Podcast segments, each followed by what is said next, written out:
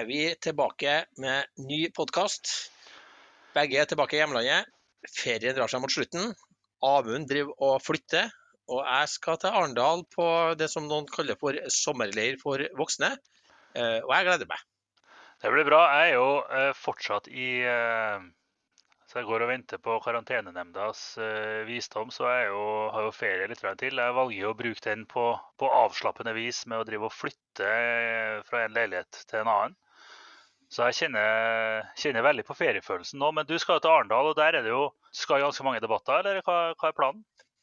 Jo, jeg skal det. Jeg har jo stilt meg til rådighet. Jeg er jo avtroppende, så jeg tenkte jeg skulle bidra for partiet, da, både som fylkesordfører og som sentralstyremedlem, da, til å stille opp i ulike debatter og diskutere. Det som er bra med debattene i Arendal, syns jeg jo at det er ofte at det blir litt sånn samtaler der man bygger litt på hverandres resonnementer, i stedet for å slå hverandre i hodet eh, med, med argumenter. Eh, og Derfor er det også muligheten for å lære seg en del ting. Da. Jeg skal på mange forskjellige debatter, så det må jeg jo lese meg på forhånd. Og det gir jo også da, innsikt i en del politikkområder og andre ting som er artig. Det er veldig bra. Arendal er en fin uke å være på det. Jeg er litt lei meg for at jeg ikke skal nedover dit sjøl, men jeg får komme sterkere tilbake, eh, tilbake, neste år. Akkurat nå sitter jeg og tenker at jeg gleder meg fælt til å komme tilbake i, virksomt arbeid, i den grad man kan kalle å være ei uke i Arendal som uh, for virksomt arbeid. Men det er selvfølgelig det er kjempespennende. Det er jo folk fra organisasjoner og politikk fra hele landet som, som samles. Så det er jo en spennende, spennende, møteplass. For noen år siden så var jo en eller annen eh, dude fra GK tror jeg, som fikk ut av seg at uh, hvis man ikke var i Arendal, så var man ikke relevant for, for samfunnsdebatten. Jeg sitter jo og kjenner litt på det nå, selv om jeg har mine meninger om, om, hva man tenker samfunnsdebatten er, hvis man tror at alle dens viktigste deltakere er i Arendal, selvfølgelig. Ja, og det er jo for så vidt eh, mitt poeng med at jeg tar på meg og stilte meg villig til å ta en god debatt her, at jeg tenker at eh, de lokale kandidatene, i hvert fall her fra Trøndelag, de bør være hjemme i Trøndelag og være relevant i samfunnsdebatten der den faktisk nå pågår, rundt omkring i lokalsamfunnene i Norge og i fylkene der det skal være kommunevalg til høsten. Ute i, i, selve samfunnet, vil mange si. Jeg, og, jeg var leder av politisk avdeling, førte en, en utrettelig kamp for å unngå å binde opp hele partiorganisasjonen i evinnelige debatter i Arendal. Selv om jeg jo eh, som person og deltaker syns det er veldig artig, så er det jo forferdelig mange organisasjoner og politikere. men det er jo alle velgerne som potensielt kunne vært i Arendal, de leier jo ut utdannelsene sine til, til, sånne som oss eh, og drar andre steder akkurat den, den uka der. Men det er jo det er klart, spennende møteplass, mange å møte. Ja, og et veldig bra og imponerende arrangement. Ja. Det har skjedd litt av hvert eh, siden sist vi prata sammen. Så jeg har hatt en podkast med Jostein Moen om eh, separatistbevegelsene og den spanske borgerkrigen, faktisk sin innflytelse på, på spansk politikk i dag. Eh, og i Spania er det fortsatt uklart hvem som skal styre landet. Det er det. Og vi hadde jo vi har to individuelle podkaster si, eh, mellom eh, altså, siden forrige gang. og Det er jo en eh, som du hadde med, med Jostein Moen, og så den som jeg hadde med Patrick English fra, fra Hugov, som også eh, spilte opp gikk gjennom målingene egentlig, hvordan det så ut. Og vi må jo si eh, i all beskjedenhet Tore, at de analysene vi har hatt i denne podkasten om det svenske valget, har jo truffet ganske klokkereint. Nå er det eh, det glade vanvidd egentlig i spansk politikk eh, framover. diskusjonen er jo om det blir om det blir nyvalg, eller om det blir Eh, en avtale. og Der har du satt deg litt inn i hva som er situasjonen akkurat nå, Tore? Ja, jeg må bare først berømme da, Patrick English fra Jugov. Han traff jo klokkereint på sin analyse om hva resultatet ble. og Det var litt sånn overraskende når jeg hørte den podkasten dere hadde spilt inn. For det var litt i strid med det som var medieanalysene, men han traff jo helt uh, innertier. Det ble helt jevnt. Faktisk så er det så jevnt nå da, at uh, mellom de blokkene der, der de har uh, muligheten til flertall, så er det 171 171. Og så er det et sånn separatistparti da, fra eh, Barcelona, eller fra Catalonia, Junts, som da har eh, sju stemmer, som er på vippen, og som kan da ved å avgi en stemme eh, og så være avholdende, eh, sørge for at eh, Sanchez eller Fejo får, eh, får flertall. Vox, altså ytre høyre, som vi var litt redd for skulle bli større, de datt jo ganske mye i valget. De har nå da lagt seg flat og sagt at eh, vi stiller ingen krav. Fejo får bruke våre stemmer til å gjøre hva han vil, selvfølgelig da for å prøve å dempe da separatistene sin avsky for, for, for Vox. I og med at Vox er veldig imot separatistbevegelsene og drev mye av valgkampen på det. Jeg har min mistanke om at de kanskje kommer til å gjøre seg gjeldende hvis det blir sånn at eh, Fejo blir, eh, og Partido Popular blir det ledende partiet ved regjering. Så jeg tror jeg kanskje de kommer til å gjøre seg gjeldende i, i årene som kommer. Vi har nok ikke hørt det siste fra, fra dem, antageligvis, nei. Nei, Men Sanchez sier fortsatt at han ønsker å prøve å danne regjering. Og da er det jo da han som styrer da, eh, det her Junts Catalonia, han Puigdemont, han presidenten som jeg er svært litt imponert over, da, som da hadde en folkeavstemning uten mål og mening. Dette vel, ja, Faktisk vil vi vel gå så langt i denne podkasten og si at det er en av de absolutt største klovnene i, i, i, hvert fall i spansk politikk, og kanskje, kanskje lenger ute i Europa òg. Ja, altså Den folkeavstemninga var jo egentlig en vits. Eh, halvparten i Barcelona, eh, nei, Catalonia deltok jo ikke fordi de var imot og, det, og, Catalonia er delt på midten. Deltok jo ikke, som jo senker legitimiteten. Den var ikke en anerkjent, det var grunnlovsstridig eh, folkeavstemning, ble den dømt. Og han stakk jo av, han Puigdemont. Og han sitter jo nå da, av alle plasser i Waterloo, der han faktisk bor. Eh, og forsøker å få amnesti da, i bytte mot at han skal støtte en av sidene. Fordi at han erklærte jo immunitet før han ble valgt inn i Europaparlamentet etterpå.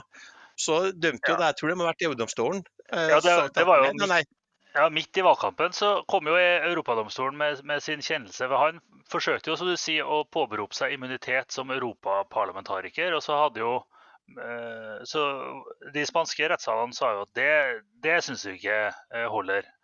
Eh, og Så ble det anka og påklaget til, til europeiske rettssystemet. og De påpekte jo som sant at disse hendelsene foregikk jo før han ble europaparlamentariker.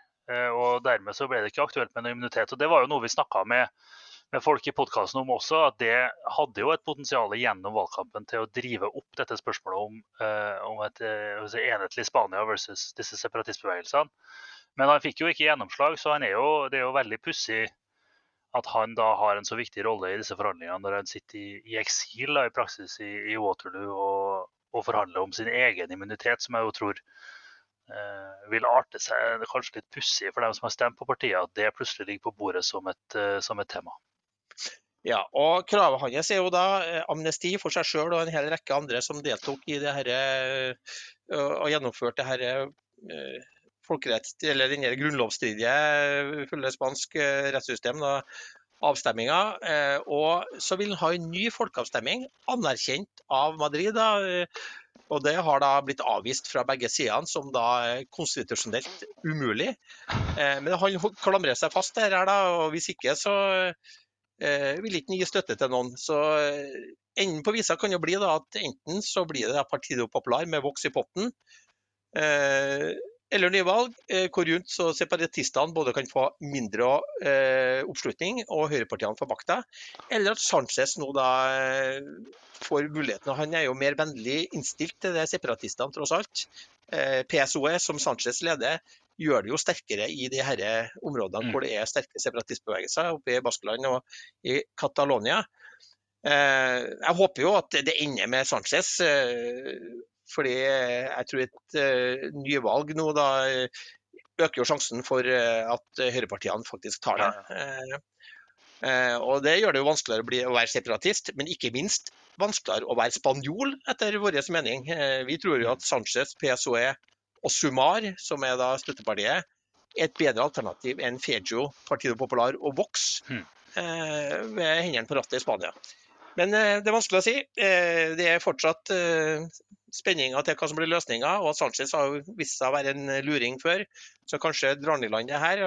Så får vi se om det blir et nytt valg, og da skal vi selvfølgelig følge opp det. Men det er to upcoming-valg til Europa. Det er det. Slovakia og Polen. Det blir jo begge to er jo øh, viktige valg. Det er mye på spill.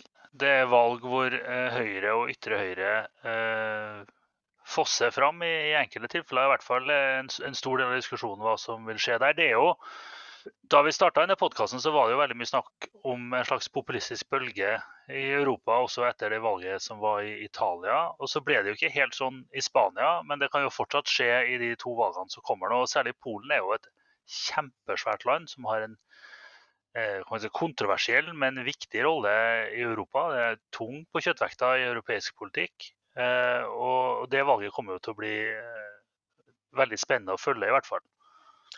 Ja, Det styres jo eh, Polen av det såkalte Lov- og ordenpartiet. og Derfra kommer jo også han som er president, president Duda. Han har annonsert at det blir valg i oktober. Eh, og Det er da eh, statsminister Morawiecki som da er statsminister for Lov- og orden-partiet. Det styres vel av han, eh, jeg husker ikke helt navnet, men noe på K, mm. som er en sånn, sånn partikoryfé som sitter og styrer her og trekker trådene i bakgrunnen, men ikke har, en, har ikke en offisiell rolle. Men det blir da Lov- og orden-partiet, Peace, mot Donald Tusk. som da er opposisjonen. han var jo tidligere EU-president. Jeg eh, minner meg alltid om eh, han der Tusk eh, når jeg hører det navnet i, i House of Cards. Han derre magnaten som driver og trakk i trådene og deala og willa.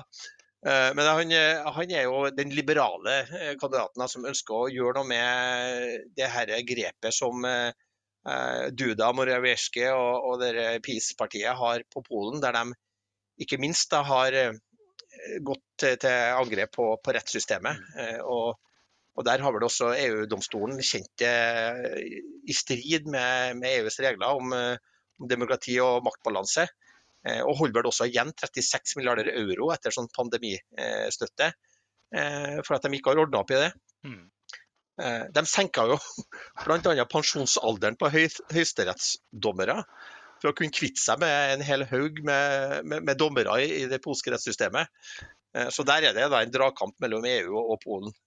Det er jo en eh. frisk, eh, frisk måte å, å, gripe inn i det juridiske systemet på. Det er jo eh, helt krise for det liberale demokratiet når disse populistiske og, og høyrekonservative eh, miljøene griper inn i rettssystemet. Vi har jo det som vi kan ha en podkast om eh, senere, som foregår i Israel, hvor, hvor det også pågår et, et si, målretta og, eh, og langsiktig angrep på, på, rettsstaten som fundament for, for, det liberale demokratiet. Men det foregår da også i Polen. Vi kjenner jo tendensene også fra, fra, USA, hvor det er jo i rettssystemet eh, disse sakene typisk utspiller seg.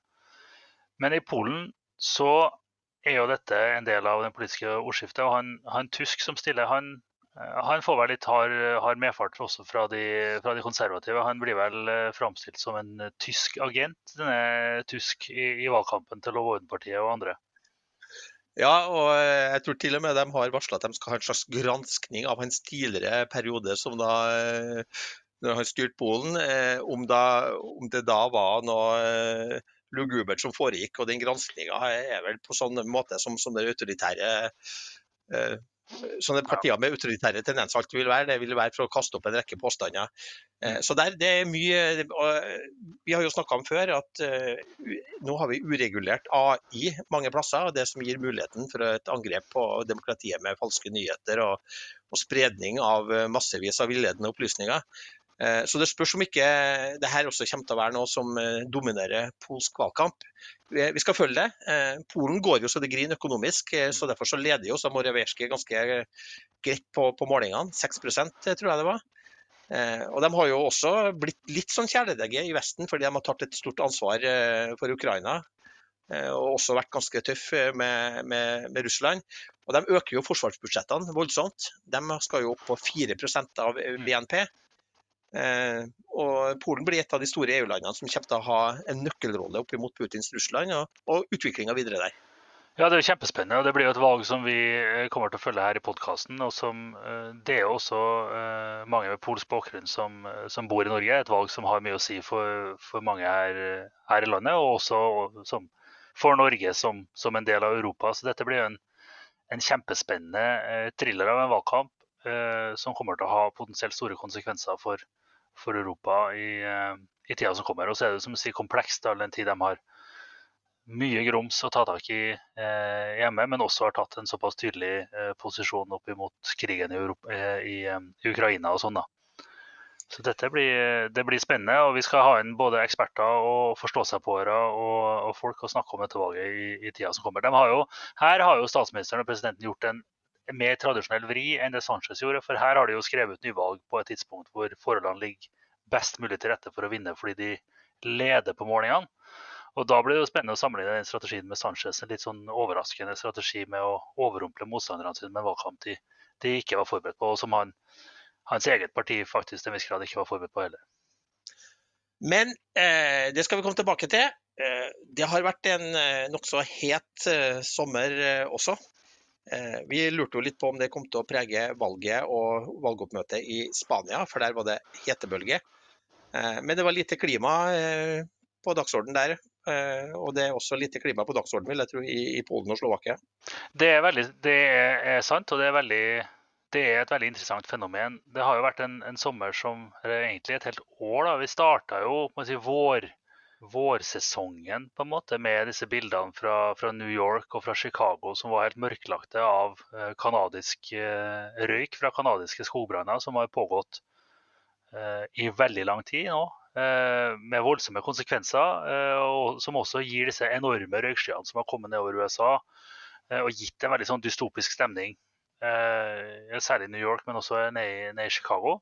Hvor folk ikke fikk, man ga beskjed om folk med astma og andre, og til og med i enkelte perioder nesten alle måtte holde seg, holde seg inne så mye som mulig for å unngå negative helsekonsekvenser av å, av å gå ut. Så det året starta jo i en veldig sånn si, klimaorientert eh, situasjon. Vi vet jo at eh, klimaendringene enkelte steder fører til, fører til, mye mer tørke, fører til høyere temperatur, fører til vær som, som gir lynnedslag og andre ting som gjør at man kan få skogbranner andre steder, andre tempoer, annet omfang enn det man ellers får. Og i, Spania som vi nevnte, og i Europa i sommer har det jo vært helt vanvittig varmt.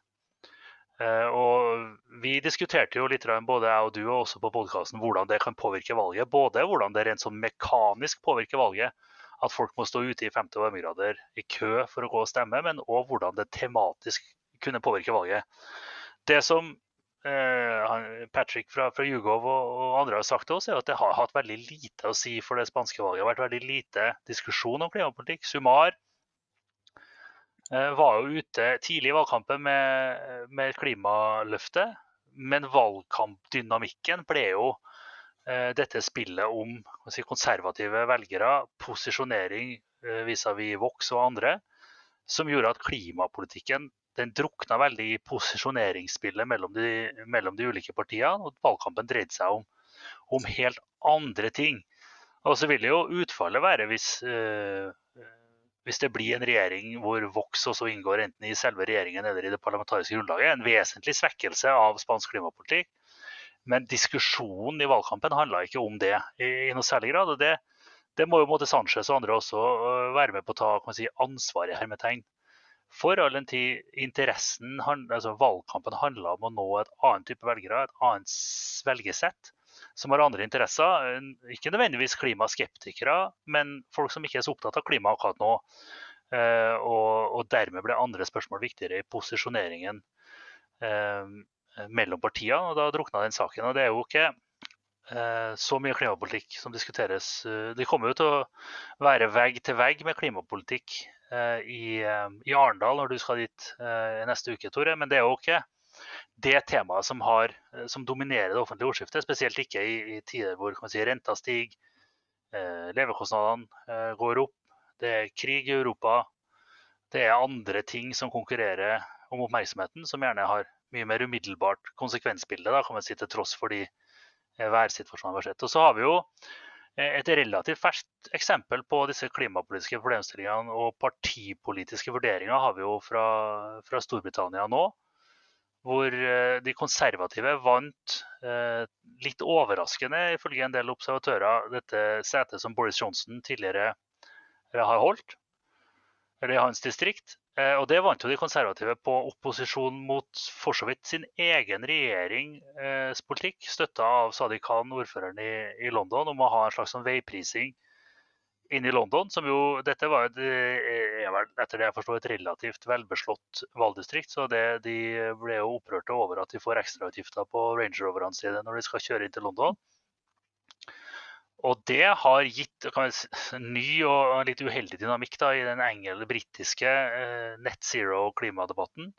Hvor du ser eh, Sunak og, og, regjeringen flakke voldsomt med blikket og posisjonere seg på en måte om ikke foreløpig direkte mot sin egen politikk, så i hvert fall ikke eh, å forsvare den. Og til og med eh, enkelte i Labour har vært ute og vært flakkende i blikket og litt mo i knærne og, og, ikke 100% stått inne for dette. Og Det er jo litt det som i hvert fall jeg og du har diskutert før, Tore, at klimapolitikken Når vi snakker om sånn just transition og, og kostnader ved klimaomstilling, så har vi tradisjonelt snakka om de som jobber offshore, de som jobber knytta til gruvedrift og, og den fossile energi Eh, på en måte. Eh, mens den store valg Det som kommer til å bli store problemer i valg framover, er jo ikke de som direkte måte, yrkesmessig rammes, men de som har utfordringer med det avgiftsbildet som må til for å framprovosere de endringene, særlig i bilparken, som, som må til. Altså her, dette er en diskusjon som kommer til å på, pågå i Storbritannia, og den blir jo antageligvis en, en vesentlig del av ordførervalget i London som kommer neste år. Ja, eh, og det er jo som eh, James Carwell sa, da, han valgkampsjefen til Bill Clinton tilbake i 92, it's, it's the economy stupid. Mm. Det er levekårskostnader uh, som er det som blir dominerende når folk går og stemmer. Vi ser også i Tyskland nå, Alternativ for Deutschland vokser jo voldsomt. Bl.a. fordi det er foreslått da, å fase ut gassfyrte hus, og det vil ha en kostnad som man er redd for ikke vil bli dekket opp fullt. og Det er en av de tingene som slår inn, selvfølgelig i tillegg til andre eh, komponenter i dyrtida. Også da frykten for arbeidsledighet. fordi at eh, Det er jo ikke å stikke under en stol at europeisk industri eh, sliter tungt etter eh, høye gasspriser. Mm. Eh, og Kullkraftverkene har jo gått så det susa i, i, i gass, eh, når gassprisen var så høy mm. som den var. Eh, og Når man jo skal fase ut det, så eh, spørsmålet hvor lang tid tar du før du får opp det fornybare til en pris som gjør at eh, ikke store velgergrupper da vender seg imot dem. Men vi har, hatt, vi har jo hatt ekstremvær også i, i, Norge. Vi har det. Det har hølja ned, og det har jo vært si, flott å se det beredskapsapparatet som har vært til stede, selv om det nå henger eh, jernbanebruer og, og bilbruer eh, nedover hele dalførene. Eh, som det kommer til å ta tid å, å fikse opp i, så har vi jo sett si, et Beredskaps-Norge som eh, har, vært i stand til å, å håndtere det, i hvert fall umiddelbare. Så man kan diskutere altså, om man kunne ha gjort mer, eh, om man kunne vært bedre forberedt. Og jeg tror jo som flere observatører har vært inne på nå i, i etterkant, så, så det, det kommer jo en diskusjon om eh, byggforskrifter. Hvor kan man bygge hvor mange år på rad skal huset vaskes bort av flommen før du eh, blir nødt til å bygge det et annet sted. Uh, og mye av dette, men det er jo klart, den type vær som vi har sett nå, er et ekstremt. Det er et ekstremvær. Selv, selv om enkelte kom med litt uheldige uttalelser liksom tidlig i, i, fasen her om at dette slett ikke var så ekstremt, og dette er jo bare som en septemberdag i Bergen og, og hva folk fikk ut av seg, så, så, er det jo klart at det er heftig det som skjer nå i Hønefoss og Drammen og opp gjennom hele dalførene. og det, det, kommer til å ha store konsekvenser eh, og ringvirkninger både økonomiske og, og forvaltningsmessige antageligvis i tida som kommer. Så, vel, eh, så, kan man jo diskutere opp og ned i mente til man blir blå om det her er klimaendringene. Men det som er sikkert, er vel at det som er 50-årsflomma, fort blir 25-årsflomma. Eh, og at det er det her vi må forvente mer av, for værsystemene svinger jo. Eh, og det kommer til å være større da, eh, svinger på de, eh, på de, grafene, som gjør at vi får mer nedbør ja. på kort tid. Og, og, det, og, vi får mer tørke. Og det, og det utfordrer jo også samfunnet, fordi at det stiller krav. Nye krav så er det nye krav betyr også nye kostnader. Det betyr også mm. da ofte lengre saksbehandlingstid. Eh, og Det gjør også at man må ta flere forbehold. Eh, så det, det, setter jo også økonomien og hele planleggingen av samfunnet under press. Det er klart det gjør det. og det som sier, Alltid når sånt skjer, så er det noen kranglefanter som klarer å vikle seg inn i en diskusjon om dette er eller ikke er klimaendringer. Jeg tror Det som, eh, som er klart, er jo at selv om ekstremværet hans som sådan ikke skyldes direkte at noen har kjørt rundt med dieselbil innenfor Ring 3, eller at, at folk har flydd på ferie, så er det klart at den samla de samla utslippene og de klimaendringene gjør at været blir mer volatilt. At du får hyppigere eh, innslag av ekstremvær som gjør at selv om det alltid har kommet 50-årsflommer og det alltid har kommet 100-årsflommer, alltid, alltid har det kommet hvert 50. og 100. år, da, eh, så vil du en, eh, risikere å komme i en situasjon hvor du får mye høyere frekvens på dette, og mange ulike typer ekstremvær samtidig. Altså nå har vi hatt et ekstremt nedbørsrevet ekstremvær nå i Norge, samtidig som vi for noen måneder siden eller for en måned siden hadde ekstrem hete sør for oss og, og skogbrann andre steder. Så du får et veldig komplekst værbilde som har store konsekvenser, som gjør at liksom, den tilpasningsdelen av klimapolitikken også blir, blir veldig viktig i Norge. Da. Det kommer jo denne Gjerdrum-rapporten pekte også på en god del ting som, eh, som må utbedres i det norske regelverket for, for, å håndtere flom og skred, bl.a. Og eh, Det er jo ingen tvil om at eh, jo mer vi opplever det, jo mer blir jo også de politiske debattene prega av det. Samfunnsplanlegginga blir prega av det. Og det blir også krevende fordi at de tiltakene vi må gjennomføre for da å kutte utslipp, Eh, og det å øke da ikke minst energiproduksjon, det skaper nye dilemmaer. Det skaper dilemmaer knytta til eh, natur- og arealbruk. Eh, det skaper dilemmaer knytta til hvor vi henter råvarer som mineraler fra. Hvor skal det, bygge, hvor skal det være gruver hen, og hvor skånsomme skal de gruvene være. Det er geopolitikk i det, fordi at Kina dominerer mange av de verdikjedene som kommer til å være, vi kommer til å være avhengige av når vi skal ha en voldsom Eh, oppbygging av fornybar energi. Og Det bringer oss selvfølgelig også opp i den debatten som har eh, i hvert fall nord i landet dominert ganske tungt den eh, siste uka, nemlig Melkøya. Mm. Ja, det har vært eh, en kontroversiell sak nå i en god stund, egentlig siden PUD-en ble innlevert. Men nå egentlig før det så har denne omleggingen til, på Melkøya-anlegget, Melkøya LNG i Hammerfest, fra eh, gasskraft, som i dag er, er kraftforsyningen til anlegget, til eh, kraft fra nettet, har jo skapt voldsom debatt. Eh, og med mye forvirring og, og, store bokstaver og krigstyper og, og diskusjoner. Og det er jo fordi at det, denne diskusjonen henger jo sammen med veldig mange andre diskusjoner. Eh, som har pågått i Norge den siste tida. Det handler om tilgang på kraft for annen industri. Det handler om e-kraft fra land, eller kraft fra nettet i Hammerfest tilfelle, for Hammerfest er jo på land. Eh, eh, og så handler det om utbygging av fornybar energi, hvor skal det være?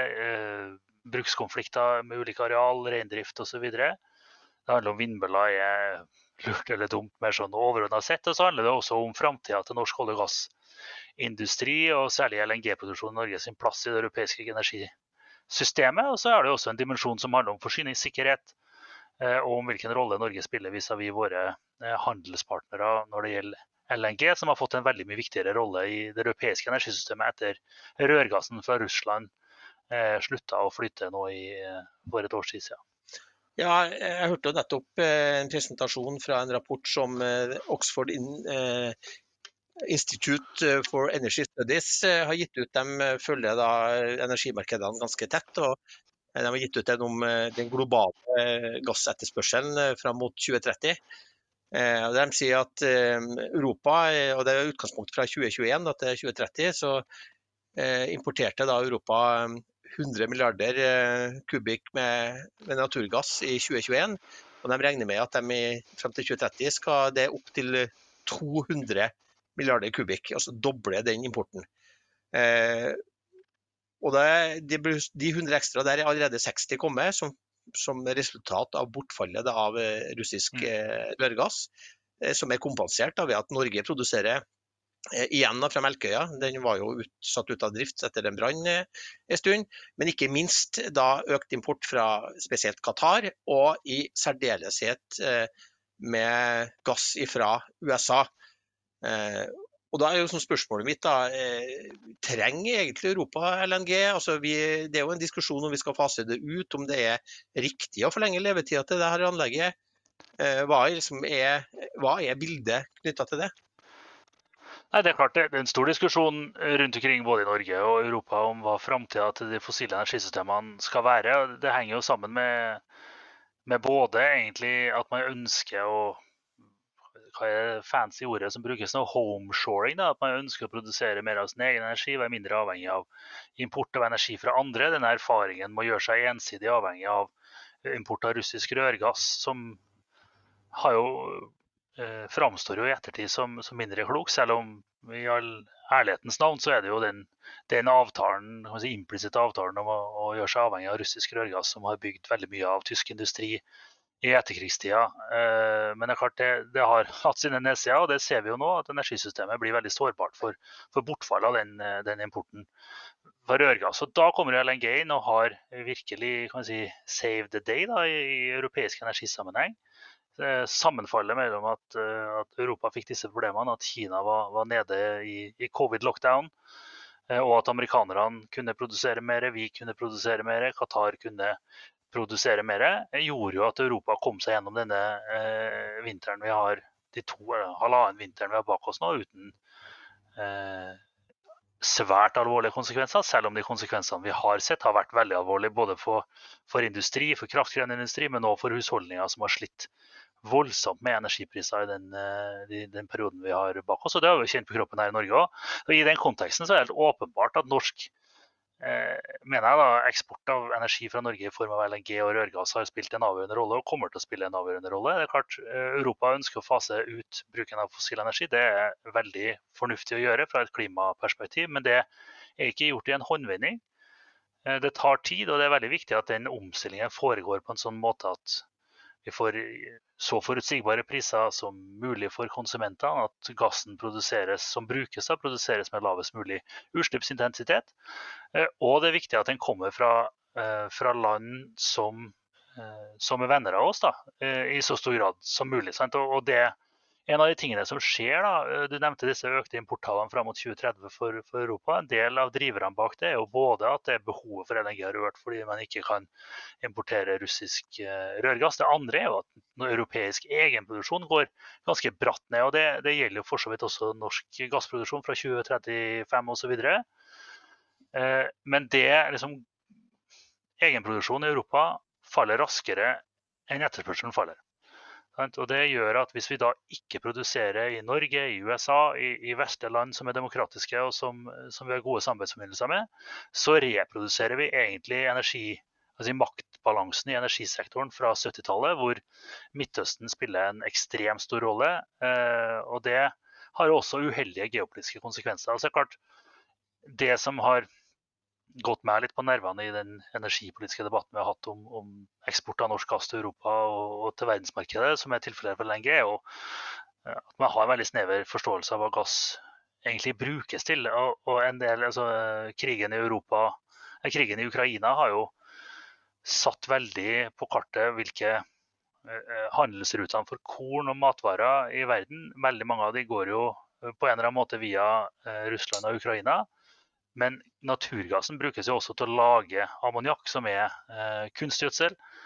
Eh, sånn at for høye gasspriser, selv i et, en verden som, som, ønsker, som, går i retning av utfasing av naturgass, eller av fossil energi, eh, trenger naturgassen til å lage f.eks. Eh, kunstgjødsel, som er en helt avgjørende del av moderne industrielt jordbruk, og en helt si, en nøkkelkomponent i å fòre verdens befolkning eh, med mat, i tillegg til de eh, si, massive korn den massive korneksporten fra Russland og, fra, fra, Ukraina. Ja, og det er jo en av krisene som vi står oppe i, er jo at uh, det var vel Vaklav Smil som har skrevet en veldig interessant bok om det, som skrev at mm. uten kunstgjødsel så klarer vi ikke å fø mer enn 40% av jordas befolkning. Og Det er jo det vi også nå ser, at uh, nå går jo også avlingene ned, både pga. Av, av, av, av været, da, men også mangelen på, eh, på, kunstgjødsel, fordi at prisene gikk så voldsomt opp. Det merker jo norske bønder, men her er det betalingsevne. Mm. Det er det ikke i, i land i den tredje verden.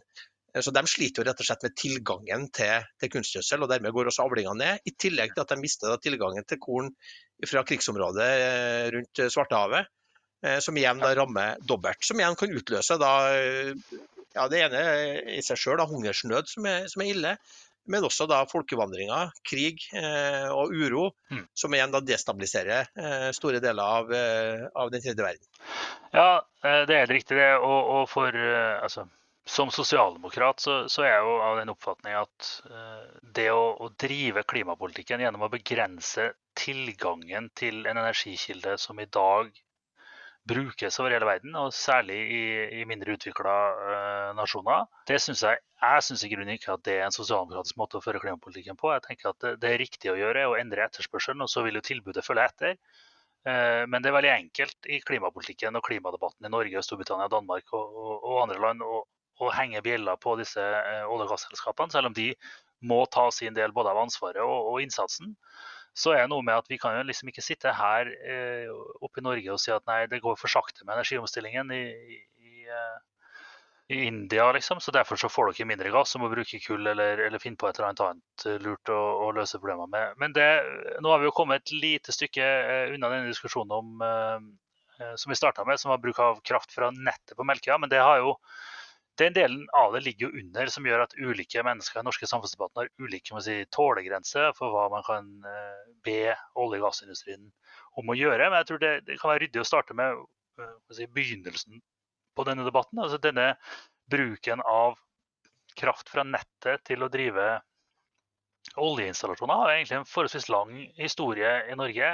Eh, og da i, i begynnelsen drevet av si, andre hensyn enn nødvendigvis bare, bare, klima. Men dette kulminerte jo i, i eh, 2014 vel, i forbindelse med eh, elektrifiseringen, eller stortingsbehandlingen av plan for utbygging og drift av Johan Sverdrup fase 1. Eh, hvor Stortinget, Da, jobba jeg hadde gleden av å jobbe for Terje Aasland som, som rådgiver på Stortinget. og Stortinget da påla regjeringen å pålegge eh, Equinor, eller Statoil som, som barnet da heter, og, eh, å bruke kraft fra land der. og Det ble jo en kjempestor debatt. og Det var kontroversielt. og Det handla om hva er tiltak som tiltaksomstand, blir dette for dyrt, vil det, det prosjektet, vil det koste oss arbeidsplasser? Eh, men fra den diskusjonen og fram til nå, så har jo bruken av kraft fra land blitt en ganske sånn etablert del av den, prosessen, den, den politikken vi fører for å redusere utslippene fra, fra produksjon av olje og gass, som er en, si, ser stort på, en ganske stor del av de norske samla utslippene hvor eh, sittende regjering, men også den forrige regjeringen, eh, har hatt veldig ambisiøse målsettinger for å redusere ressursslippene. Og også eh, næringa sjøl har hatt svært ambisiøse målsettinger, fordi det handler om deres si, license to operate. Og for oss som ønsker en framtid for norsk olje og gass, så er det jo avgjørende at næringen er i stand til å levere på det som blir et viktigere og viktigere krav både fra investorer og fra, fra kunder, at disse produktene produseres med så lave utslipp som mulig. Og Der står vi da i den diskusjonen om kraft fra land, kraft fra nettet, eh, og hva, den, hva det har å bety for, for norsk eh, si, olje- og gassproduksjon mer sånn samla sett. Da. Og nå har vi jo noen felter eller diskusjoner bak oss i år som har vært eh, kompliserte. Eh, noen i Midt-Norge, eh, noen på, Vestlandet og dette melkeanlegget i, Hammerfest. Yggdrasil, som er en gigantisk utbygging som Aker er operatør for, gikk jo gjennom Stortinget uten voldsom diskusjon om bruken for kraft fra land. Men eh, Melkøya har blitt kjempediskusjon, og det er det mange grunner til. Ja, men bare litt først, bare for å forstå. Hvorfor trenger man mer kraft på Melkøyanlegget? Altså, det, denne diskusjonen på Melkøya er drevet av to ting. Sant? Det ene er eh, åpenbart et ønske fra, fra, Equinor og fra Norge, eh, fra Stortinget og fra regjering om å redusere utslippene fra norsk olje- og gassproduksjon med, 50%, med 50% innen 2030 og netto null for 2050. Så det, det er målsetningen som gjelder Eh, i dag. Det andre er jo at eh, melktrykket i, i Snøhvit-feltet uh, synker. Det er behov for mer kompressorkapasitet for å holde trykket oppe og opprettholde produksjonen fra, fra Snøhvit-feltet. Allerede i dag så er kraft, eller energibehovet på Melkøya større enn det de gassturbinene som i dag står der kan levere, så vi trekker noe kraft fra nettet. Når de nå skal inn i det som er den andre komponenten av denne Eh, plan for utbygging og drift som har vært diskutert nå i, i siste, er jo kraftløsningen. Og så er det også økt kompressorkapasitet på Melkøya for å opprettholde produksjonen fra feltet. Dersom det ikke kommer mer kraft og mer energi til, eh, så betyr det tidligere nedstengning av feltet, eller da eventuelt at de må hive seg rundt og bygge flere gassturbiner. Men jeg tror eh, det er vel få som tenker at det har vært eh, bare knipse i fingrene å få eh, utslippstillatelse for ytterligere gassturbiner i et punktutslipp som allerede i dag er på en million tonn og en av Norges fem største utslippspunkter. Men eh, mange har jo spurt meg hvorfor kan man da ikke eh, det her er jo såkalt kvotepliktig sektor. Ja. Altså at uh, I dag når det gasskraftverket går, så kjøper jo uh, Equinor uh, CO2-kvoter for, for, den CO2 de slipper ut for å produsere den krafta de har. har ikke de råd til da kan du bare bygge et nytt gasskraftverk, så skjønner jeg at det kan være en diskusjon om, om får du en ny utslippstillatelse, hvordan blir det mottatt i Europa ellers hvis vi bygger et nytt stort gasskraftverk i, i, Norge hvor vi har fornybar strøm tilgjengelig. Vi kan komme tilbake til at det er mange som mener vi ikke har det, og det er en forståelig del av den debatten her. Men hvorfor kan man ikke bare kjøpe seg nye kvoter, bygge et nytt gasskraftverk og kjøpe kvoter? Eller det andre som mange nå har tatt til orde for, som kanskje er en del av diskusjonen, kan man ikke bare rense de her gasskraftverkene og sende CO2-en tilbake? For det gjør man vel allerede i dag. Man tar CO2 ut av den gassen man har, og så sender man tilbake. For det er litt for mye CO2 i den gassen for å kunne selge den. Så, så sender man den CO2-en tilbake i, i reservoaret. Ja, så er det jo flere liksom, større spørsmål i det enkle spørsmålet du slengte over, over bordet der, da, Tore. Men det er klart, jeg, jeg tenker er naturlig å starte der hvor at det er altså sånn eh, at forrige storting og forrige regjering og dagens storting og dagens regjering har bedt oljeselskapene om å gjøre dette. Eh, først eh, altså i ulike papirer, den forrige regjeringens klimastrategi og i denne regjeringens både Hurdalsplattform og andre ting, så understreker vi at vi ønsker å redusere utslippene. Vi har skrevet, altså Partiene har skrevet i, og regjeringen har skrevet i det som er veilederne for disse prosjektene, at dersom prosjektene er lønnsomme med den eh, kvoteprisen og summen av kvotepris og, og CO2-avgift som vi ser, så skal det gjennomføres. Så dette har vi bedt om, og det er klart det er jo prosjekter i multimilliardklassen. Dette er jo mulig bare jeg er litt gammeldags, egentlig, Tore, men jeg, jeg er jo av den oppfatningen at politikerne langt på vei skal klare å, å styre disse store kapitalintensive, investeringstunge næringene så langsiktig som mulig. og da mener jeg jo at at dette er et eksempel på et signal som er sendt så tydelig over så mange år til næringen eh, at det er det må vi litt, eh, nesten bare forholde oss til når, når søknadene kommer da, etter en lang ledetid, masse penger investert allerede. Så tenker jeg at det, det, er fornuftig i hvert fall å etterstrebe så langt mulig å ha forutsigbarhet i omgangen med den type næringer. Så er det sånn, selvfølgelig kan det jo Men bare et spørsmål, der, et spørsmål på det, hvordan det virker. For at det er jo der kvotepliktig sektor, så er det en CO2-avgift. altså Du må mm. kjøpe eh, CO2-kvotene. Ja. Og så er det sånn at når den, og der er det jo tanken at De kvotene skal jo bli mindre, gradvis mindre redusert av EU. Så stiger da prisen for de eh, kvotene. Yes. Så du må betale mer ja. for å slippe ut CO2. Og når på et eller annet tidspunkt den prisen blir høy, eh, så blir det mer lønnsomt å bruke f.eks. For fornybar kraft enn å fortsatt å slippe ut. Ja. Det er det som er dynamikken i det der. Og nå, det du sier nå er at nå har prisen blitt så høy, og den framover skal bli så høy, at det er lønnsomt rent industrielt sett å, å gjøre det med de virkemidlene man har etablert for det.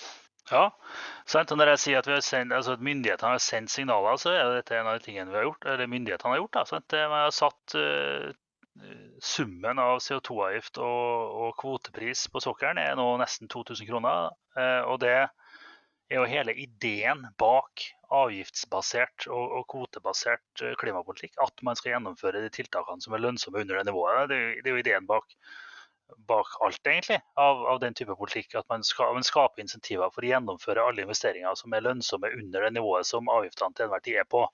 Og her er vi jo eh, i situasjonen i dag. Så det er klart, eh, her kommer man med, med denne PUD-en det er komplisert å håndtere, selvfølgelig, men det er i hvert fall noe som, som helt tydelig er, er etterspurt uh, av myndighetene uh, for, for, litt siden. i hvert fall. Så er det jo klart at de kan jo kjøpe kvoter, men intensjonen bak kvotesystemet er jo ikke at man skal bruke kvotesystemet som en avgift når de tiltakene man kan gjennomføre er billigere enn en prisen. Altså, da, det er klart man kjøper kvoter, men det, det er jo da en kostnad. Det er 1 million tonn i, i året fra eh, ca. 900 000 tonn i året fra, fra Melkøya. Eh, med 2000 kroner eh, per tonn så er jo det en relativt saftlig eh, allerede nå da, en relativt saftlig eh, utgift å betale for, for, selskapet. Og så vil jo det bare stramme seg til og stramme seg til og stramme seg til. Så man si, venner av petroleumssektoren eh, jo, bør jo være veldig for at petroleumsindustrien får tillatelse til å gjennomføre tiltak som som bidrar til å sette dem i stand til å, å, å drive butikk videre etter hvert som avgiftene strammes til. Og Det, det har i hvert fall vært hele intensjonen bak utslippsinnretningen uh, på klimapolitikken på sokkelen. Og en av grunnene til at norsk sokkel har veldig lave utslipp per produserte enhet. Um, Men Hvorfor kan de ikke da bare rense det her? Da, da slipper de jo å betale CO2-kvoter. Da sparer de de uh, utgiftene. Det er klart, det man Det har jo vært diskutert, det. Og Stortinget har vært inne på det. Og det har vært foreslått og vedtatt i Stortinget at, man skulle, at regjeringen måtte se på det og sånn. Det, det som Equinor sier, og som det ikke finnes noen grunn til å, til å, tvile på, etter mitt syn i hvert fall, er jo at tiltakskostnaden med, med, med bruk av rensing her er, er svært mye høyere enn, enn å bruke kraft fra, fra systemet. Eh, det har vært indikert oppi 6000 kroner, kroner, per tonn, som jo er vesentlig over det som er avgiftsnivået i dag. og Det betyr jo at vi da taper penger på det. Så Ola Elvestuen var inne på at vi burde subsidiere dette gjennom å gi dem SDV-gass for å, for å si, subsidiere dette. En av grunnene til at det blir så dyrt, eller grunnene til at det blir så dyrt, er at du må ha mer For det første så må du ha mer produksjon av kraft på anlegget for å håndtere økt kompressorkapasitet i utgangspunktet. Og så må du ha mer kraftproduksjon for å drive selve CCS-anlegget. Så må du ha nye brønner for lagring, nye rør for transport av CO2. Og så er jo ikke akkurat erfaringen fra å bygge CCS-anlegg på varme industrielle eh, prosjekter i Norge at det blir fenomenalt mye billigere enn det som var tenkt. Sant? Og det gjelder jo enten det er Norcem på Brevik eller det er avfallshåndtering utenfor Klemetsrud, at erfaringen vår er at det er svinkomplisert å bygge eh, CCS-anlegg på varmeanlegg. Og at det hadde jo vært å gi seg ut på et industrielt prosjekt som ja, som, som, antageligvis har kommet til å bli mye dyrere enn det det var lagt opp til. Det andre som jeg tror er viktig, som, som, det, det, som pakka som kom fra regjeringa her om dagen òg, er jo at et CCS-prosjekt på Melkøya hadde bare vært bra for Melkøya. Altså, det er Eh, den pakka som kommer nå, er jo dels drevet fram av at Melkøya er nå tross alt et av få svært lønnsomme store industrielle prosjekter i Finnmark, og en av få som har kapasitet både til å betale anleggsbidrag for å få nett fram til regionen, men òg stort nok forbruk til å drive fram produksjon andre steder. Eh, sånn at uten den type si, motorer i systemet, så får du heller ikke styrka kraftsystemet i regionen, som er helt avgjørende. Vi snakker jo veldig mye om Hammerfest og strøm og tilgang og sånn, men hele regionen, hele Finnmark, jo, eh, har et veldig dårlig kraftsystem. Veldig, altså, dårlig samsvar mellom produksjon og forbruk, men også svært dårlig nett til å transportere nettet, nei, strømmen rundt omkring i regionen. Så en løsning som den regjeringen nå har lagt opp til, hvor man si, tvinge fram ytterligere forbedringer av systemet i Finnmark som følge av denne beslutningen, er jo det eneste som klarer å få plass den type løsninger for regionen, som igjen er det eneste som klarer å få plass løsninger for disse andre næringene som har vært snakka om eh, for det er liksom en myte det at hvis du tar Melkøya ut av ligningen, så blir det bare liksom fryd og gammen i Finnmark. Allerede nå så er det jo, det er jo ikke noe strøm i, i Øst-Finnmark f.eks. Så klart du får en kortsiktig gevinst av å ta dette forbrukspunktet ut av køa til Statnett. Men den fylles jo opp av datasenter og havbruk ganske raskt. Eh, men også med veldig store begrensninger på hvor i regionen det kan komme, fordi nettet mellom de ulike stedene i Finnmark ikke styrkes eh, uten en tyngre aktør som kan betale anleggsbidrag for å, for å løse opp i deler av dette. Og så tror jeg jeg bare sagt også, at under overflata i hele denne diskusjonen om kraft fra land, så ligger det jo en sånn det ligger et kvalitativt skille mellom ulike typer industri. altså Én ting er jo en diskusjon som handler om liksom, vi burde heller satse på batterier og hydrogen. Eh, Annet liksom mer sånn framtidsnæringer.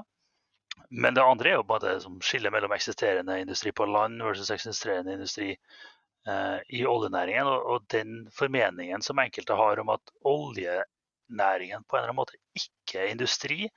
Det syns jeg er noe av det rareste med hele denne, hele denne diskusjonen. Det jobber hundretusenvis av mennesker i oljeindustrien i Norge i dag, og det er aller høyest grad industri. Så at det, skal, at det, på en eller annen måte skal være mer høyverdig å, å drive med industri på land enn å drive med olje- og gassindustri, det, den, den, kjøper ikke jeg eh, egentlig. Og jeg tror vi er ute på en litt sånn farefull vei egentlig i kraftdebatten når vi begynner å skille mellom ulike typer forbruk på, på den måten. Altså Olje- og gassindustrien ansette masse folk er nødvendig for å opprettholde eh, måte, blodet i verdensøkonomien, i hvert fall foreløpig, fram til det grønne skiftet er ferdig. Eh, så det å liksom tenke at nei, vi bør heller bruke den strømmen på andre ting, da tror jeg man gjør seg selv en bjørnetjeneste på litt lengre sikt. Du kanskje kan si litt om hva den pakken innebærer. For det, det er vel sånn at uh, Equinor får ikke lov til å skru av uh, de her gassturbinene uh, i, i, morgen på, og så begynne å hente ut strøm. Eh, den pakken innebærer vel at eh, de skal gå eh, til 2030, og hvis det ikke har kommet mye og tilstrekkelig kraft, så må de fortsette å drive gassturbinene. Altså i hvert fall så nå, nå er jeg jo ikke jeg er lenger statssekretær, så er jo ikke alle detaljene like godt under huden som jeg hadde hatt hvis jeg hadde den, den jobben fortsatt. Men det er klart, det departementet har foreslått, eller har sagt de skal gjøre, er jo dels at de skal godkjenne plan for utbygging og drift for Snøhvit Future, som dette prosjektet heter. Så har de sagt at eh, rettighetshaverne tidligst fra 1.1.2030 kan øke effektuttaket utover det de tar nå. Eh, med mindre departementet bestemmer noe annet. Og så legger man da opp til full drift av kraft fra nettet vil skje i løpet av 2028. Så utsetter man da muligheten til å lene seg på nettet, som gir myndighetene tid til å få på plass andre ting. Og det andre de får på plass, er jo at man her legger press på, på NVE om å prioritere konsesjonssøknader om både nett- og kraftproduksjon i nord, med særlig vekt på Finnmark. Det er jo masse i regionen som er konsesjonssøkt, og det er også en del av det som har fått konsesjon, men som trenger nett. Eh, og at nettet får konsesjon for at de skal bli mulig å bygge ut. Så uh, vil man etter det jeg forstår, også legge press på Statnett for å sørge for at man prioriterer nettutvikling i, i, dette prisområdet nord, med særlig vekt på Finnmark, som også vil gjøre det mulig å få planlagt og konsesjonssøkt de forbindelsene som trengs i hele regionen for å styrke kraftsystemet. Og så har man sagt at man skal legge vekt på mer sånn geopolitiske og sikkerhetspolitiske hensyn. Og det handler om at vi, det er Norge som sier, geostrategiske interesser. At det bor folk i Øst-Finnmark særlig, hvor nettet i dag er veldig svakt. Så det, jeg mener i hvert fall at her har man landa på en løsning som både sikrer at eh, settes vekt og kraft bak utbygging av ny kraftproduksjon Eh, i regionen. At man sørger for at nettet kan forsterkes så mye som mulig. Og så sier man at man må ha dette forbeholdet om at man skal la turbinene stå i en lengre periode for å, for å, gi tid til å få på plass nye løsninger. Og I tillegg til at anlegget som sådan gir utbygging av denne kraftledningen fra Skaidi til Hammerfest, som bedrer kraftflyten i det området, og som er en forutsetning for havvind i, i regionen, f.eks. som en annen type aktuell problemstilling. Eh, bare for, å, eh, bare for å, forstå det også. for eh, Det er jo mange som er bekymra nå, og mye av debatten handler jo også selvfølgelig, du må se den i sammenheng med den strømprisdebatten vi har hatt. At man er bekymra for at det blir kraftunderskudd i, Nord-Norge, og at prisene kommer til å galoppere oppover. Og at man får vedvarende høye strømpriser som rammer både husholdninger og annen type industri. Og i verste fall at man ikke får nok kraft. Og Det er jo drevet av en annen debatt som har vært mye opp, vi skal ikke inn på den nå, da, men det er jo knytta til, til urfolksrettigheter og at eh, det er mye reindrift i, i, Finnmark. Og bekymringer for at eh, man ikke greier å lande da eh, gode kompromisser og enighet med, med dem som driver med, med reindrift og urfolksrettigheter i, i, Finnmark. Og dermed så vil man aldri få denne kraftutbygginga. Det ligger også bak at man er redd for det. Ja, altså jeg tenker jo For Finnmark som region så er det jo en katastrofe om de ikke får plass utbygging av bedre nett og produksjon, helt uavhengig av hva som foregår på, på Melkøya. Og, og, det at samfunnet som sådan må finne en mye klokere måte å håndtere disse diskusjonene mellom si, storsamfunnet og reindrifta og de samiske interessene på, det mener jeg helt åpenbart. Sant? Og det å, for det første tror jeg det er uklokt å isolere det til en diskusjon som bare handler om kraft. Og, og, Det er jo en diskusjon med, med samiske interesser på, på, gruvedrift i regionen. Det kommer til å være diskusjon om det på, på jernbane i regionen, på veier i regionen, på flyplasser, på utbyggingsprosjekter som, som, legger beslag på areal. Og jeg tror nok det, det er noe som fører til belastning hos de samiske eller reindriftsmiljøene. At det er forferdelig mange utbyggingssaker fra veldig mange samfunnssektorer som påvirker dem og deres interesser. Det er litt vanskelig å holde oversikten. Men det andre jeg tror jeg at liksom, det er maktpåliggende for myndighetene å finne en bedre måte å gjøre det der på. Det er helt overbevist om at, om at går an. Og så tror jeg på en måte at det er en kjempeutfordring for regionen om det ikke lar seg løse helt uavhengig av det som skjer på Melkøya. Fordi at Melkøya det er et stort forbrukspunkt, men det er veldig mye annet forbruk som er meldt inn. Så klart blir det ikke Melkøya, så blir det noe annet. Og da må det håndteres i et enda svakere nett med enda dårligere betalingsvillighet enn det man får til med, med, med Melkøya. Men det er klart, det er mye reindrift i Finnmark. Eh, det er mye kontrovers. Det er kontrovers andre steder òg, av helt andre årsaker enn en reindriftsnæring. Så det er i hvert fall forfekta en periode, er at det må, det må, være en helt ny samtale mellom industri, utbyggere, storsamfunn, politiske miljøer og befolkningen om hvorfor vi trenger all denne krafta. Eh, og det må kompenseres bedre, det må være bedre, mer smidige ordninger. Men særlig samtalen om det må bli bedre. Hvis ikke så går ikke dette. Vi, vi, vi, vet jo nå fra de rapportene som kom i fjor og året før, sant? at vi, hvis vi skal realisere de industrielle ambisjonene vi har til, til lands og til vanns, trenger vi ganske betydelig mer kraft i hele, i hele Norge. Havvind kommer til å komme inn fra, fra 2030-tallet og levere en del, men, men da trenger vi nett. Så, så, denne floka må vi nøste opp i uh, uansett, altså. Ja, og det her er jo en, Vi har jo vært inn på det litt før i podkasten også. Det er jo, det er jo en, en, utfordring vi står oppe i omlegginga til fornybarsamfunnet. Altså Norge bruker jo 320 TWh terawatt-timer med energi i året. Halvparten av det er fornybart, resten er, er fossilt. Det er ikke minst knytta til, eh, til, veitransport, men også da på sokkelen. Eh, og Den omlegginga kommer til å kreve veldig mye mer kraftproduksjon. Eh, deler av det skal skje ved, ved havvindprosjekter, men det tar en stund før de kommer. og Vi skal komme tilbake til det senere, at det, det, er også krevende å få til det når hele verden skal bygge havvind og få nok eh, ressurser til det. Eh, at, det er, at man ikke får flaskehalser som driver opp prisene, og kanskje til og med mangel på, på innsatsfaktorer eh, for å få det til. Eh, men ikke minst også forbruk av natur.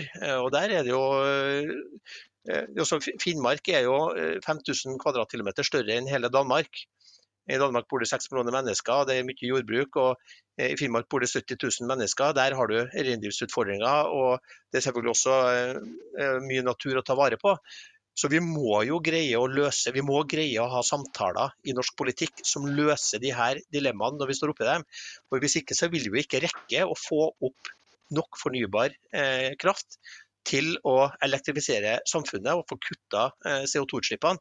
Eh, så det er jo veldig, veldig viktig at vi greier å løse det her med, med en bedre samtale enn vi har hatt fram til nå. Ja, det er jo det, og det som du sier. Altså, det, det, grønne skiftet, klimaomstilling, velstandsutvikling stiller store krav til, til oss. Og vi går jo nå over i en fase når olje- og gassindustrien skal ta mindre plass i norsk økonomi og norsk samfunnsliv. Så er det klart da eh, da må vi venne oss til å se ting igjen, da. sant? Det, når energien ikke kan produseres ute i Nordsjøen, men må produseres eh, i nærområdene, så, så klart da det er synlig, det. sant? Når vi skal ha mer fornybar energi, så må vi ha mer nett. Når vi skal ha mer næringsvirksomhet i, i deler av landet hvor, det, eh, hvor, naturressursene er, men folkene kanskje ikke alltid bor, så, så, betyr det at vi må bygge ting gjennom områder hvor det i dag er, er andre interesser, være seg naturinteresser eller eh, driftsinteresser. Så dette må vi på en eller annen måte få løst opp i. Men du ser jo det i, i stort sett alle andre land så er det samme tilsvarende problemer. USA har kjempeproblemer med, med licensing. En av de tingene som, som, holder dem litt tilbake fra å hente ut full effekt av, av denne IRA-pakken sin, er jo nettopp det at det er vanskelig å få tillatelse til å bygge kraftledninger, kraftproduksjon, industrielle anlegg, eh, og særlig på tvers av, av statsgrensene. Og samme i Tyskland og andre steder. Så dette er et kjempeproblem som vi som på en måte må, må nøstes opp i. En god sted å starte antageligvis å ha og prate bedre om, om hva, hva, det vi skal med disse tingene. Da. Men men det, det, er i hvert fall sånn at det er en forutsetning for å lykkes, å få på plass disse tingene. Og Du tangerte jo et tema som vi skal innom i podkasten litt senere, og det er som er dette med mineralnæring og, og dette at eh, med en gang du gjør en, eh, en, forbrenningsmotor mer effektiv, eller skal bygge en, eh, en, vindmølle eller en kraftledning eller et batteri, så trenger du kritiske mineraler. Eh, I Norge har vi jo to saker og debatter som har pågått i en årrekke om å hente ut mineraler fra, fra, fra landjorda. Kjempekompliserte saker eh, hvor, som ligner på vindkraft. Det er, det er stor lokal motstand. Folk lenker seg fast, teiper seg fast, limer seg fast, roper og skriker. Men det er jo ikke til å komme bort ifra at det er, liksom, det er helt avgjørende. Hvis vi ikke får plass, plass mer mineraler, så, så, får vi ikke til. Og, og, derfor har jeg også jeg er i hvert fall veldig glad for at regjeringen har, har tatt forsiktige skritt i retning av å, å sjekke etter havbunnsmineraler, som er et tema som, som, vi skal komme tilbake til. Men, men, alt dette har det til felles at vi trenger på en måte som, som storsamfunn så trenger vi en eller annen form for tillatelse fra befolkningen om å, å gjøre de naturinngrepene som trengs. Og den er vel ikke 100% der akkurat nå. Nei, og Det tror jeg er sånn viktig å ha med at man skal ha respekt for begge parter her. For at det er umulig å overkjøre eh, demokratiet. og Eh, og da eh, også lovmessige rettigheter man har på ulike områder. Men man snakker jo, som du var inne på, ikke bare i Norge om det. I, på engelsk så har det et navn, da, 'permitting crisis', mm. som både går på at det er, vi kommer til å være krevende. Vi har også en naturkrise. Det kommer til å være krevende å kunne ta i bruk nytt areal. Eh, for at vi har allerede belasta landjorda veldig stort i de industrialiserte samfunnene. Så det kommer til å være krise til. Men det er også det at det er et byråkrati rundt dette som har vist seg å være veldig tungrodd. De snakker om 'permitting crisis' i, i USA de snakker om det på, på kontinentet og i, i, Storbritannia. Altså Hvordan greier man å få bedre prosesser, sånn at man raskere kan komme fram til ny kraftutbygging av fornybar energi, og ikke minst tilgang til nødvendige mineraler og, og metaller. Eh, men det er ikke noe svar sånn som enkelte sier, bare å overkjøre alle de interessene. Man må greie å få en bedre eh, dialog, for det er den eneste måten å komme fram på. Det er en ting som er helt sikkert. Går det for fort fram, så får du tilbakeslag, sånn som vi har fått med vindkraft på land i Norge. Vi må være flinke eh, når vi skal bygge ut havvind, og ha de prosessene mm. eh, godt gjennomført, sånn at ikke fiskeriinteresser og andre naturinteresser eh, medfører at vi må ta steg tilbake igjen. For det haster. Altså, Klimakrisa er ikke noe som kommer, den er allerede. Eh, og de målene vi har satt oss om å kutte, de er helt reelle mål som er helt nødvendige for menneskeheten samla sett. Og vi har et stort ansvar for det. Så vi må jobbe parallelt på mange områder knytta til å løse de her konfliktene med god dialog. Med, eh, kanskje til og med få hjelp fra, fra, AI og andre systemer for bedre konsesjonssøknader. Eh, der kommer det til å skje veldig mye både i USA og i EU tror jeg, knytta til eh, de ambisjonene de har der og de, og de planene de legger fremover. Eh, men vi må selvfølgelig også greie å løse det i Norge. Eh, så vi er helt avhengige av det. Og Da må alle ta et ansvar for at ikke debattene blir så mye polarisert. og Det betyr også at man må ha en respekt eh, for de interessene som da er involvert eh, eh, knytta til det. Ja, helt åpenbart. Det er ikke noe sansen for dem som driver og snakker om at her må vi bare skjære igjennom. Og så tror jeg at det, det er kompliserte avveininger. Det er en naturkrise samtidig som det er en klimakrise. Det går ikke an å hive det ene altså, Jeg tror det som fremfor alt er politikkens oppgave, er å klare å løse folks problemer uten å skape så mange nye. Og her tenker jeg man må ha tunga beint i munnen og, og sørge for at vi har et tempo som gjør at det kan bære. Men det er ikke noe tvil om at tempoet må være høyere enn det i dag. Men da må også samtalen rundt være bedre, tenker jeg. Men dette er jo tema vi kan komme tilbake til, og må komme tilbake til i, i poden i, i, i, tida som kommer. Dette forsvinner jo ikke. Jeg mener jo i hvert fall at regjeringen har gjort et uh, klokt og modig uh, valg her på, på Melkøya. Jeg tror det er en løsning som samla sett styrker regionen mer enn noen av de andre løsningene uh, ville ha gjort. så tror jeg nok at en del av de aktørene som har vært ute i debatten, har si, Eh, ikke fullt ut tenker på hva som er best for Nord-Norge samla sett da, eh, i dette. Men eh, kraftsituasjonen må utbedres over hele landet, og det, det kommer vi nok til å komme tilbake til som tema, tenker jeg. Ja, bare for å avslutte det, så jeg har også sett noen stemmer som sier at det blir feil å prioritere eh, Finnmark i de her konsesjonssøknadene framover. At NVE og, og, Statnett skal ha et ekstra godt øye til det. Men det, det, tror jeg vi i hele landet skal tenke over. At vi er helt avhengig for egen felles sikkerhet. At vi har kontroll på, på ikke minst Øst-Finnmark. Eh, og Hvis ikke det er i framtida i Øst-Finnmark, hvis vi ikke har eh, økonomisk aktivitet, tilgang til kraft, og at det bor folk i den delen av landet, mm. så er det et område som er svært lett å, eh, å utsatt til når russerne skal true med sitt bastionforsvar. Altså en sikkerhetspolitisk aspekt ved det her, som jeg også er glad for at regjeringa har vektlagt i, i den pakken som ble lagt frem. At det her handler ikke eh, om at du skal favorisere Finnmark, det handler om vår felles eh, sikkerhet eh, og den samla norske geopolitiske og strategiske posisjonen vi har knytta til nordområdene og verdens største atomvåpenarsenal og de enorme styrkene og armeen til, til, Russland på, på den sida av, av grensa. Ja, jeg tenker det, er kjempeviktig å se helhetlig på det. Så tror jeg Det er utfordringer med nettproduksjon i hele landet, men, men Finnmark er en særstilling både med sånn strategisk plasseringsmessig, men òg for det er det er altså så dårlig nett der oppe. Det skyldes jo litt at det er lite folk som bor der, men det er også sånn at hvis vi skal legge til rette for mer næringsvirksomhet der, så, så, må det på en måte komme på plass.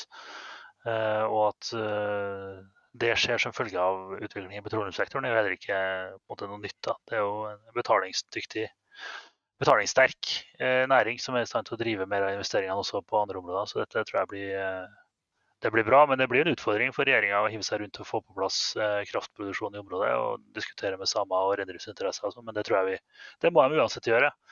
Eh, så her tror jeg vi har fått en, løsning som er, som er, god. Men det er trolig ikke Siste ord i diskusjonen om melka er klokt eller ikke, Det er trolig ikke sagt, til tross for at vi nå har diskutert det her på podkasten, Tore. jeg tror, hadde det vært så lett, så hadde det vært i mål for lenge siden. Eh, vi, skal, vi, må gå inn eh, for landing. Vi har brukt litt mye tid på det her. for Vi mener også det dette er en diskusjon som ikke isolert sett bare handler om, eh, om, om Melkøya og, og, Hammerfest, Finnmark og Nord-Norge. Dette er debatter vi ser over hele den verste verden. og Vi kommer også til å se det sannsynligvis i større grad også i, i Kina etter hvert og i andre store land.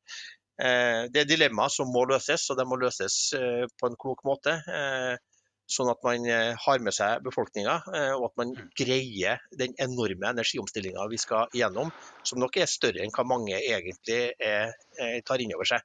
Det er, en, det er et, et, enormt eh, behov for fornybar energi, og det er mer fornybar energi som demper etterspørselen etter fossile brensler. Så den beste måten å få fasa ut olje og gass på, det er å senke behovet for det ved å bygge mer fornybar energi. Det er det. Og så får vi eh, Flere av disse temaene kommer vi tilbake til eh, i kommende podkaster. Nå skal du til, til, Arendal og representere eh, podkasten, i tillegg, sikkert litt, eh, tillegg til at du sikkert litt skal representere Arbeiderpartiet, så håper jeg at du representerer oss også på en, eh, på en fornuftig måte. Jeg skal fortsette med flyttejobben eh, i noen dager til. Jeg gleder meg ekstremt til det er ferdig. Og så kommer vi vel tilbake med en podkast allerede neste uke, er ikke det sant, Tore? Vi har ambisjoner om det. Ja. Eh, vi får litt rom for det. I Mellom slagene i Arendal så kanskje jeg kan spille inn en eh, direkte fra, fra Arendal. Så du får kjenne litt på, på pulsen, stemninga og, og spenninga. Oh. Men det var godt å se deg igjen. Likens. Nå går ferien min mot slutten, og, og snart er vel kanskje du ute av karantene også. Så da, så da, er vi enda mer on the toes for neste podkast. Kjempemessig.